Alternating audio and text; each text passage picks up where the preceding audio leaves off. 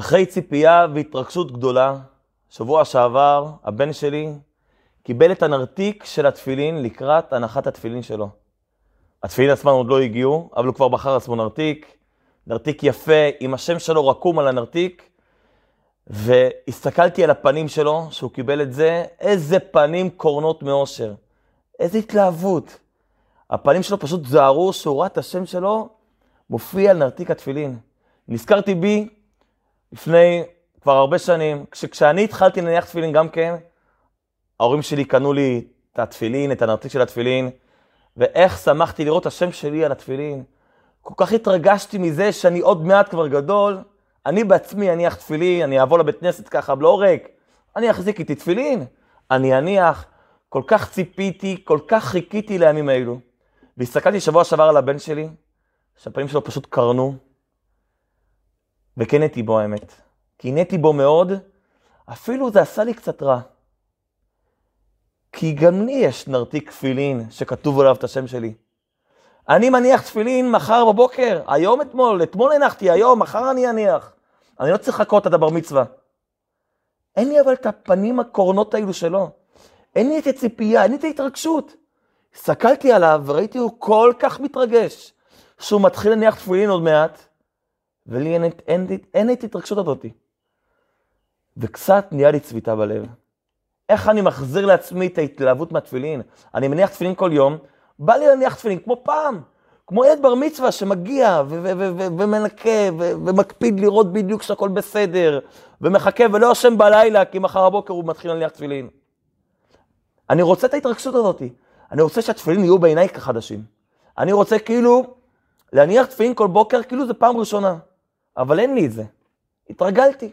אנחנו מתרגלים להרבה דברים בחיים שלנו. גם בזוגיות, כל אחד מאיתנו היה שמח מאוד מאוד לפעמים לחזור קצת להתחלה. ההתרגשות הראשונה, חתן וכלה, זוג צעיר, בלי ילדים, עם הרבה חלומות ורודים, מתרגשים מכל דבר. איזה כיף לחזור לאותו זמן. לבית החדש, לכל דבר שהוא חדש, שהוא מרגש, שהוא כיפי. ואין לנו את זה עכשיו גם כן, נכנסנו להרגל, נכנסנו לריטואל. אנחנו מאוד מאוד רוצים לפעמים להחזיר את, ה, את ההתלהבות, את הרגש, את הציפייה. איך עושים את זה? הבדיחה אומרת על, על זוג צעיר, שכשנולד להם הילד הראשון, התינוק הראשון, שמים לו מוצץ בפה, כשנופל המוצץ, מה עושים למוצץ? חבל על הזמן. דבר ראשון, שוטפים אותו מהר, אחר כך מחטאים אותו, אחר כך מרתיחים אותו במים רותחים, ואז שוטפים אותו עוד פעם במים קרים, עד שהוא חוזר לפה של הילד, של התינוק, המוצץ עובר תהליך. אבל זה בילד הראשון. בילד השני מה קורה? שוטפים טוב במים וזה מספיק. בילד השלישי, כשהמוצץ נופל על הרצפה, מנגבים ככה בחולצה ומחזירים. ככה זה, זה הטבע שלנו. דברים ראשוניים, פעם ראשונה, אנחנו עושים אותו הכי הכי טוב, בהכי התרגשות, לא מעגלים פינות. אבל כשמתרגלים ואומרים יאללה שטויות, אז עושים דברים על אוטומט, בלי הרבה רגש, בלי התלהבות. אז ראיתי את התפילין של הבן שלי, וגם אני רוצה להניח תפילין כמו שהוא רוצה להניח תפילין. אני רוצה את ההתלהבות, אני רוצה את הרגש, את הציפייה. איך עושים את זה? אנחנו מדברים כמובן על התורה. על התורה נאמר, וכל יום יהיו בעיניך כחדשים. הקדוש ברוך הוא מצפה מאיתנו שנקום כל בוקר, וכאילו הרגע עלינו לכיתה א', השנייה קיבלנו את התורה. איך שנתלהב ממנה, וואו, תביא לי לראות מה כתוב בה. רגע, מה אתה אומר? התורה אומרת להניח תפילין? התורה אומרת להגיד מודה אני, ליטול ידיים, לכבד את ההורים? וואו! איזה, איזה, תביא לי לראות עוד. זה מה שהתורה מצפה מאיתנו, כל יום שכאילו הרגע קיבלנו את התורה. איך עושים את זה? איך אני מגיע למצב, הרי אני מכיר את התורה, כבר למדתי, כבר אני מניח תפילין ושומר שבת ושומר כשרות וכל הדברים, אז בסדר, זה הרגל בחיים שאני עושה את זה, אין לי את ההתלהבות, מה לעשות? אני לא מתלהב כמו שזה פעם ראשונה. התורה מצפה ממני שאני כן אתלהב. איך מגיעים למצב הזה? כל אחד מאיתנו רוצה לפעמים לחזור לימים של התלהבות. כל אחד שחזר בתשובה יודע להגיד על הפעם הראשונה שהוא התחיל להקפיד על בשר וחלב. כל זוג שהתחיל לשמור את טהרת המשפחה יודע להגיד על השלב הראשוני, איך הם בדקו כל דבר, איך הם התרגשו, אה, אה, אה, איך כל דבר הם, הם חקרו ושאלו. כל אחד שמתחיל משהו, גם אני רוצה. גם אני רוצה לחקור ולדעת ו- ו- ו- ולעשות כל דבר הכי הכי טוב, בשיא ההתלהבות, בשיא הרגש. אבל התרגלנו. איך אנחנו מחזירים? אנחנו רוצים לבדוק מפרשת שבוע, איך מחזירים את ההתלהבות הראשונית. איך אני היום קם בבוקר ומתלהב בדיוק, כאילו אתמול גיליתי את התורה. אתמול גיליתי את הקדוש ברוך הוא, היום גיליתי את הקדוש ברוך הוא. איך אני עושה את זה? אנחנו כמובן לומדים את זה מפרשת שבוע. פרשת שבוע שלנו היא נקראת פרשת יתרו. מסופר בה, מסופר בה על המאורע החשוב ביותר בהיסטוריה. לא היה דבר חשוב יותר מאז ועד היום. אין מאורע יותר חשוב, אנחנו מדברים כמובן על המתן תורה. כל המטרה של עם ישראל שיצא ממצרים, ככה אומר הקדוש ברוך הוא למשה רבינו, בהוציאך את העם ממצרים, תעבדון את האלוקים על ההר הזה. המטרה שיצאתם ממצרים היא בשביל לבוא לפה, להר סיני, לקבל את התורה. זה כל המטרה של כל הגאולה. ועם ישראל עומד תחת ההר, הוא מקבל את התורה, שומעים את עשרת הדיברות, וזה, כן, ואז הפכנו להיות לעם. אבל רגע אחד, לפני שמקבלים את התורה, קורה משהו. יתרו מגיע. יתרו, חמיו של משה רבנו, הוא לא היה יהודי, הוא גר במדיין הרחוקה, הוא מגיע. הוא מגיע, הוא שומע על ניסים, ומגיע ואומר, וואו, פש, איזה אלוקים עוצמתי יש לכם. ברוך השם אשר הציל אתכם מיד פרעה, מיד מצרים, איזה יופי. המפרשים אומרים שרק בגלל שיתרו הגיע, יכלנו לקבל את התורה. שזה אומר ככה, את התורה מתי היינו צריכים לקבל? אם כל המטרה של יציאת מצרים הייתה בשביל לקבל את התורה, אז מיד יצאנו בפסח, תן את התורה. למה להתעכב? את התורה קיבלנו רק כמעט שלושה חודשים אחר כך. בשביל מה להתעכב? בוא תן לנו את התורה מיד, חול המועד פסח, אולי שביעי של פסח. בסדר, לקח זמן להתארגן, צריך לחסות את הים, ראש חודש אייר. למה חיכו? למה המתינו? אומרים המפרשים, היינו צריכים להמתין ליתרו. רק אחרי שיתרו הגיע.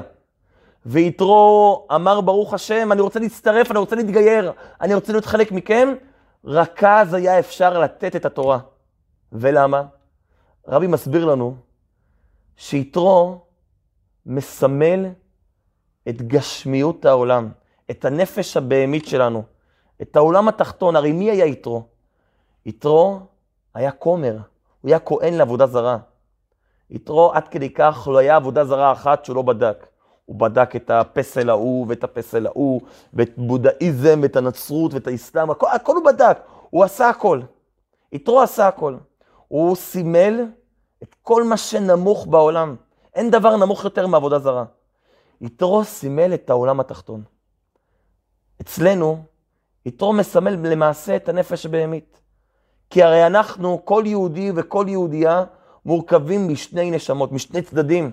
יש לנו סוג של פיצול אישיות. יש לנו נפש אלוקית שמשתוקקת להיות דבקה בקדוש ברוך הוא, שכל היום רוצה רק להתפלל, לעשות מצוות, והנפש הבאמית, שמה היא רוצה? היא לא רוצה רע, היא פשוט חושבת על עצמה. אם הקדוש ברוך הוא, ככה מסביר לנו הרבי, היה נותן לנו את התורה בלי שהיה מגיע יתרו, התורה הייתה ניתנת רק לנפש האלוקית שלנו, לעם ישראל, לעם הקדוש, אבל הקדוש ברוך הוא רוצה שלא רק עם ישראל ישמע לתורה, שלא רק הרבנים, התלמידי ישיבות, האברכים, בבתי הכנסת, רק הם ישמעו לתורה. הקדוש ברוך הוא רוצה שגם החבר'ה בקניון, שגם החבר'ה בעבודה, בשדות, שגם העם, שגם העולם התחתון, שמתעסק בגשמיות העולם, שגם הם יקבלו את התורה. לא רק הצדדים הקדושים בחיים, אלא גם הצדדים הבהמיים, הצדדים של הפרנסה, של החופשות, של הנסיעות לחו"ל, של הבתי מלון, שגם הם יקבלו את התורה, שגם הם יזכרו שהתורה שייכת גם להם. לכן אומר הרבי, יתרו מגיע. ועד שיתרו לא מגיע, ואומר ברוך השם, שמי זה יתרו כמו שאמרנו? יתרו זה הצדדים הנמוכים, הגשמיים של העולם, הנפש הבהמית. עד שהוא לא מגיע ואומר, חבר'ה, אני מצטרף. עד שהנפש הבהמית לא מצטרפת אלינו, אי אפשר לתת את התורה. כי הקדוש ברוך הוא רוצה לתת את התורה גם לנפש הבהמית, גם לצדדים הבהמיים שלנו, הצדדים ה... של הפרנסה, של החופש, של העבודה, של המשפחה, של הילדים, לא רק בבית כנסת, לא רק לרבנים לתת את התורה, לתת אותה גם ליתרו, גם לנפש הבהמית. אבל מה גרם ליתרו להגיע? מה קרה פתאום? התורה אומרת, וישמע יתרו כהן מדיין את כל אשר עשה השם לישראל. יתרו שומע, ואז הוא בא. אומר רש"י, אתם יודעים מה הוא שמע? הוא שמע שני ניסים. הוא שמע על קריאת ים סוף, והוא שמע על מלחמת עמלק. כשהוא שמע את שני הניסים האלו, הוא החליט לבוא. ושני הניסים האלו מסמלים לנו איך אפשר להביא את הנפש הבהמית גם כן לקבל את התורה. ואם נתבונן בשתי הניסים האלו, קריאת ים סוף ומלחמת עמלק, נבין שכמו שיתרו קיבל את התורה, בפעם הראשונה, הוא ודאי וודאי שהתרגש. מי לא התרגש? כל העולם התרגש. אותו דבר אנחנו. אם נזכור כל הזמן את נס קריאת ים סוף ואת מלחמת עמלק, גם אנחנו היום, כל יום, נוכל לקבל את התורה מחדש. נוכל להתרגש ולהתלהב, כמו שאז כל העם וגם יתרו התרגשו והתלהבו שקיבלו את התורה. אז הוא שמע את קריאת ים סוף ואת מלחמת עמלק. מה קרה בקריאת ים סוף למעשה? קריאת ים סוף, עם ישראל עומד בפני הים. המצרים רודפים אחריהם. אין שום דרך לברוח. ואז הקדוש ברוך הוא עושה נס. הים נחצה לשניים. חז"ל אומרים שכל הימים וכל הנחלים וכל מקווה מים בעולם באותו רגע נחצה לשניים. הכל, כל המים בכל מקום התחלקו לשניים. למה הקדוש ברוך הוא עשה את זה? למה היו צריכים שהכל יתחלק לשתיים? זה הרי נס לא יאומן. מישהו פעם ראה מים שעומדים? מים שעומדים כמו חומה, מקיפים אנשים, והעם ישראל עובר ביניהם? זה דבר בלתי ייאמן. הקדוש ברוך הוא רצה להעביר מסר. הקדוש ברוך הוא רצה להעביר מסר שאין דבר כזה שהעולם הוא לא בשליטתו. שאין דבר כזה שיש את העולם ויש את הקדוש ברוך הוא והם שתי דברים נפרדים. העולם כולו, כל הזמן, בכל מקום, מנוהל על ידי הקדוש ברוך הוא. הוא נמצא בכל מקום. הוא דואג לכל דבר, הוא דואג את הפרטים הקטנים ביותר. אנחנו מלמדים בדיוק, אתמול יצא לי ללמד שיעור בר מצווה לילדים. למדנו את, ה, את הקטע אדון עולם בתפילה, בתפילת שחרית. אדון עולם, מה אומר לנו אדון עולם? בהתחלה אומר לנו אדון עולם אשר מלאך, איזה עוצמתי וענק הקדוש ברוך הוא. ואז מה אנחנו אומרים? והוא צורי וגואלי, השם הוא הצור שלי, הוא הנס שלי, הוא דואג לי. הקדוש ברוך הוא הוא ענק שבענקים, אבל בסוף דואג גם לקטן שבקטנים. העולם כולו מנוהל על ידי הקדוש ברוך הוא, כל נשימה, כל בוקר, כל אוכל שאנחנו אוכלים, האישה והילדים שלנו, הכל מנוהל על ידו. יצא לי אתמול לשמוע סיפור מהרב דאוטן קורטי. אני מקווה שאני אומר את השם נכון, הוא שליח חב"ד במכללה למינהל בראשון לציון. והוא נולד בקיבוץ כפר רופין, נולד למשפחה שאינה שומרת תורה ומצוות בכלל, רחוק מזה לחלוטין. הוא מספר איך הוא התחיל את התהליך התקרבות שלו לקדוש ברוך הוא. הוא אומר שהוא היה בהודו, אה, רבים נוסעים להודו עם הרסטות, ושם כמה חודשים נשכבים. והוא אומר, אה, לא האמנתי בכלום, שום דבר, מה לי ולא, הכל סיפורים. והוא חטף פעם איזה עקיצה מיתוש. אז בהתחלה לא, לא סופרים את זה יותר מדי, עקיצה קטנה, אבל uh, פתאום הוא שם לב שהרגל נהיית אדומה, והמצב הולך ומחמיר. אז הוא אומר, שמנו את כל התרופות סבתא וכל התרמלאים מגיעים, מביאים איתם כל מיני uh, תרופות וזריקות, שום דבר לא עזר, לאט לאט התחיל להחמיר, עובר עוד שבוע, עוד שבועיים, ועד שהוא מגיע למצב אחרי חודש שהוא לא יכול לתרוך על הרגל.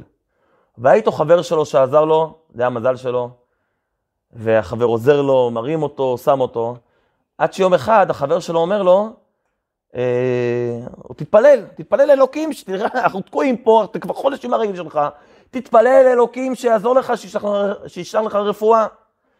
אז אומר הרב דותן, אה, אמרתי, תפסיק אתה, כן? תפסיק אתה עם החבר הדמיוני שלך, כן? מה אני אתפלל, הכל שטויות, ככה הוא אומר לו. הוא אומר, אתה יודע מה, מה, אני תקוע איתך כבר חודש? עזוב, אתה- אני, אם אתה לא מוכן להתפלל לאלוקים, שיעזור לך במצב שבו אתה נמצא, אני עוזב אותך.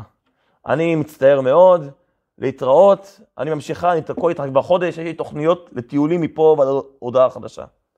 ויצא מהגסטהאוס, עזב אותו, עזב את הרב דותן, ו...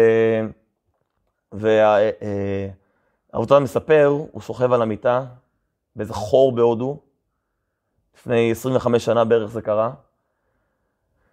הוא החליט להתפלל, הוא אומר, אלוקים, לא יודע אם אתה קיים, אם אתה מקשיב לי, אבל תראה, אפילו החבר האחרון שלי עזב אותי. איך אני ממשיך מפה? וככה הוא אומר, הוא אומר, זו התפילה הכי טובה שהייתה לי בחיים.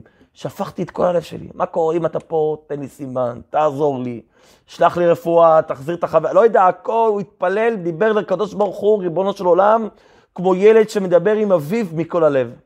הוא אומר, אחרי שסיימתי, אז אה, החבר שלי נכנס חזרה, אז אני אומר לחבר שלי, מה, מה חזרת? הוא אומר לי, נראה לך שאני אעזוב אותך? תגיד לי, דותן. נראה לך שאני אשאיר אותך לבד? יהיה בסדר. הוא אומר לו, הרב דותן, דע לך שדיברתי עם החבר שלך, עם החבר הדמיוני. בסדר, למחרת מגיעה תיירת משוויץ לאותו כפר בהודו, והיא שומעת על דותן, היא שמה לו איזשהו משחה תרופה, ויצא מזה.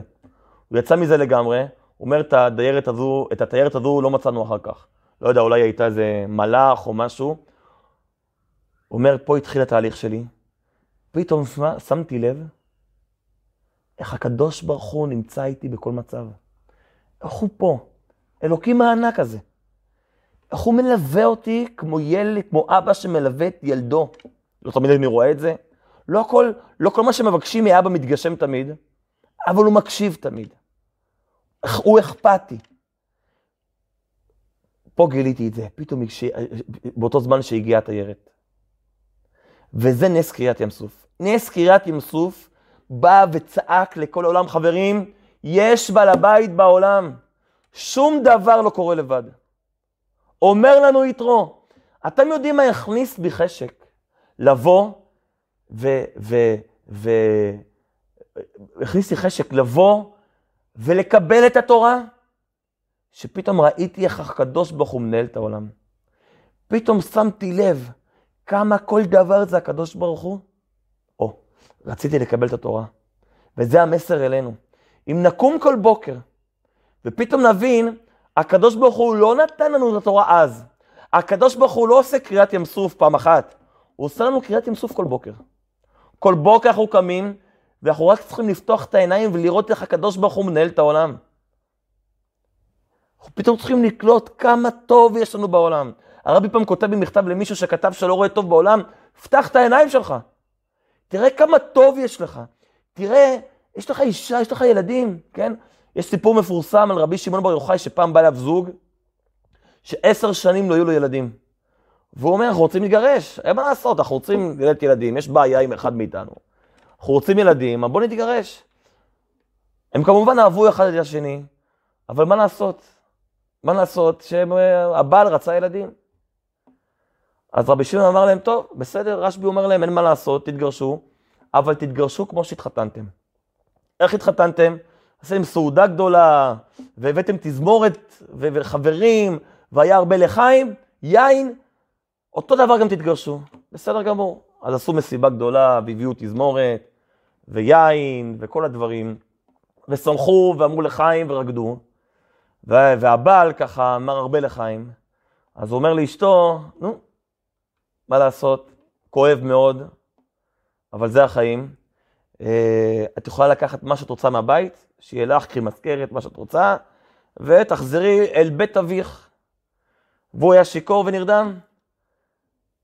למחרת הוא מתעורר והוא רואה את עצמו בבית חמיב עם אשתו. הוא אומר, מה קרה? היא אומרת לאשתו, תראה, אתה אמרת לי, אתה יכול לקחת משהו אחד מהבית. בחרתי לקחת אותך. אתה, אותך, אתה גם שייך לבית. בחרתי לקחת אותך. ואז רבי שמעון בירך אותם לילדים. איך הם אוהבים אחד את השני, כמו בהתחלה, הם עשו חתונה שנייה. איך הם אהבו אחד את השני, איך הם התרגשו, איך הם החליטו לתת צ'אנס. להיות יחד, לאהוב כמו פעם, בירך אותם רבי שמעון בר יוחאי בילדים, והם זכו לחבוק ילדים. כי הקדוש ברוך הוא רוצה לפעמים להעיר אותנו. פתח את העיניים, תראה כמה טוב יש לך. וזה מה שאומר לנו יתרו, פתחו את העיניים, תראו כמה טוב יש בעולם, תראו כמה שמחה הקדוש ברוך הוא מעניק. מעניק לנו בריאות, ואישה, וילדים, ומשפחה, ועבודה, וחברים, ובית כנסת והכול. וואו! ואז נרצה לקבל את התורה. אבל יש עוד משהו אחד. יש עוד משהו אחד שצריכים לעשות בשביל שנוכל לקבל את התורה בכל יום בהתלהבות גדולה. הוא שמע את קריאת ים סוף, אבל הוא שמע גם כן עוד משהו. הוא שמע את מלחמת עמלק. מה רצה עמלק? מה עמלק?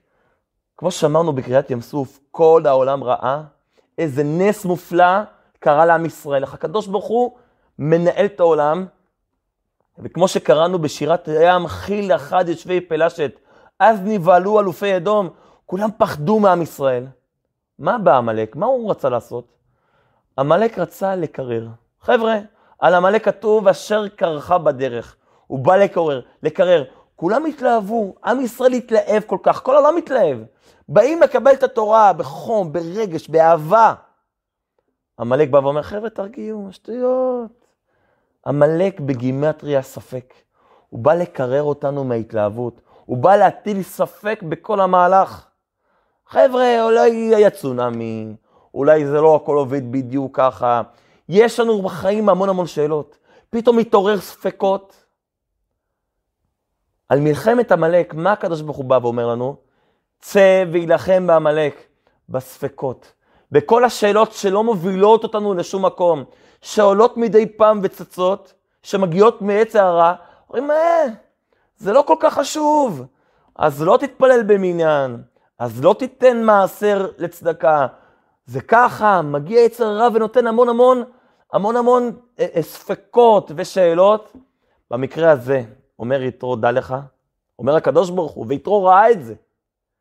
צא וילחם בעמלק, צריכים להילחם בזה. כשמגיע שאלות, ספקות, ואתה רואה שהשאלות האלה, יש שאלות שהן טובות, שהן מבררות מה אנחנו צריכים לעשות, ואלה שאלות מצוינות.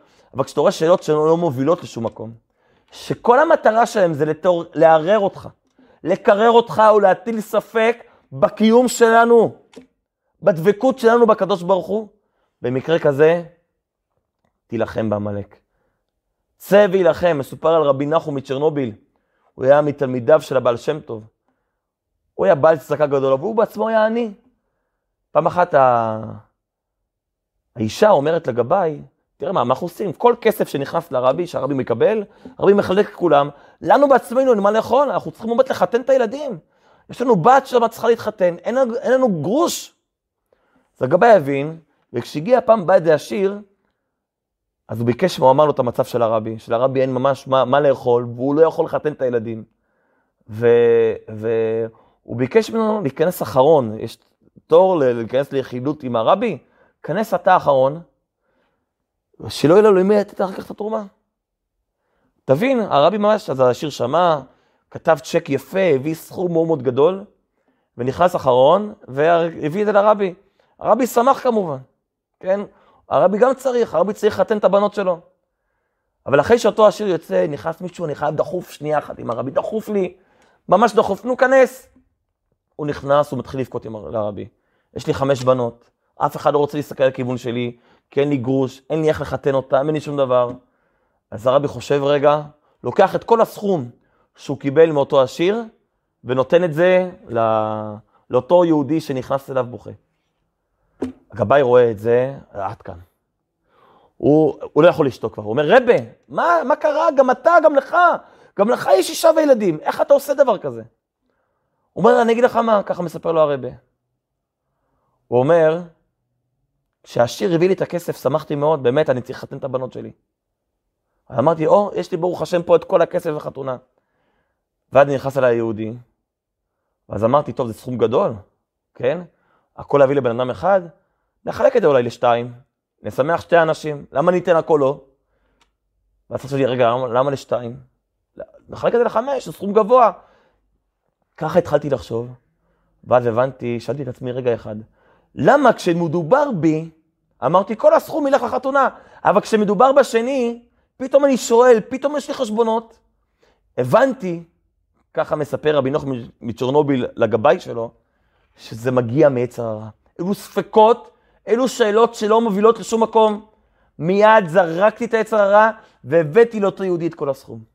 כי כשמגיעים אצלנו שאלות, אולי לא ככה, אולי לא צריך, אנחנו צריכים לסלק אותה מיד, ומיד, מיד לתת הכל, לתת הכל לקדוש ברוך הוא. וזה בעצם מה שאנחנו צריכים לזכור לעצמנו כל הזמן. את נס קריאת ים סוף שהקדוש ברוך הוא שולט בעולם. יותר מזה שנס קריאת ים סוף, הרבי במקום אחר מסביר לנו שהמים עמדו להם חומה מימין ומשמאל, זה אומר שיהודי צריך להקיף את עצמו במים. אין מים אלא תורה, בתורה מימין ובתורה משמאל. שכל החיים שלו יהיו סביב התורה, יהיו למען הקדוש ברוך הוא. ואז כל יום יהיו בינינו כחדשים. ואם יתעורר איזה ספק, איזה שאלה, מהר יסלק, יילחם בדיוק כמו שנלחם בעמלק, תמחה את זכר עמלק מתחת השמיים. ואז וישמע יתרו. אז הנפש הבהמית שלנו תשמע, תבין, כמה הקדוש ברוך הוא אוהב אותי ודואג לי. כמה הוא מלווה אותי על כל צד ושל. וישמע יתרו, נקבל, כמו שיתרו קיבל את התורה, אנחנו נזכה לקבל את התורה בכל יום. נתרגש מזה שאנחנו צריכים להניח תפילין, מזה שיש לנו את הזכות לשמוט על טהרת המשפחה, על כשרות, מזה שיש לנו את הזכות לתת צדקה, נתרגש בכל פעם כמו בפעם הראשונה. יש לנו בשורות טובות בעזרת השם.